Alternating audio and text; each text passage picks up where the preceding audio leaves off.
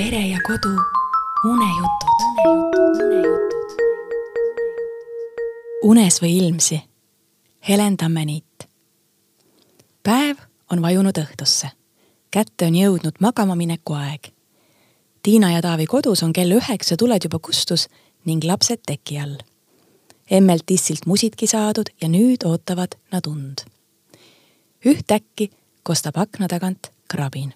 Tiina ja Taavi ehmuvad jubedalt ning Tiina poeb venna voodisse peitu. aknapraost kostab kellegi jutt oh,. ma räägin sulle, vennas, neid aknaid läheb iga aastaga järjest raskemaks avada, nagu meie töö poleks juba niigi keeruline. mis sa seletad, Ponks, sa ise jääd aastatega vanemaks. tuleb rohkem putru süüa ja trenni teha, küll siis jaksu ka tuleb nüüd said Tiina ja Taavi aru, kes nende akna taga olid käes oli esimene detsember ja päkapikupoisid hakkasid hästi käituvatele lastele sussidesse üllatusi tooma. Tiina ronis venna voodist välja ja tundis veidi häbi, et sedasi kartma oli hakanud. üks kümneaastane tüdruk peaks ju teadma, et kolle pole olemas ja teisi tegelasi pole vaja karta. julgelt astus ta akna juurde ja küsis esimeselt sisenejalt elevusega. kas teie oletegi päkapikud? me eelistame nimetust kingitoojad ega meie süüdi pole, et me päkapikkused oleme, porises esimene päkapikk. teine päkapikk tundus natukene ehmunud. ta ütles pisut kogeledes. tere, mina olen Nobenäpp. ma pole väga harjunud inimestega kohtuma. lapsed peaksid juba sel ajal magama, kui me kohale ilmume. Tiina vabandas punastades. andke andeks, me tavaliselt magamegi, aga mul ei tulnud täna und. mu vennal Taavil vist ka mitte.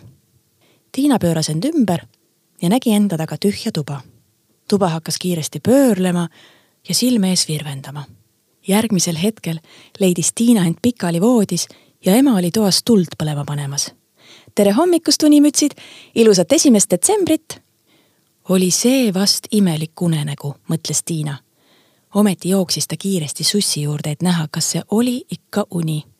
sussi seest leidis ta kirja, mille oli kirjutanud keegi nobenäpp. kas tõesti juhtus kõik päriselt? Kiri oli järgmine.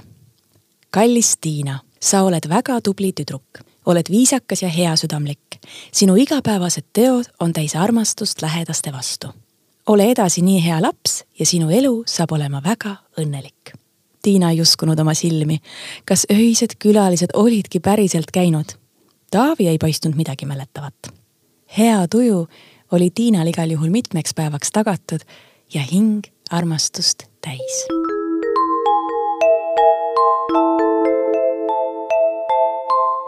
Música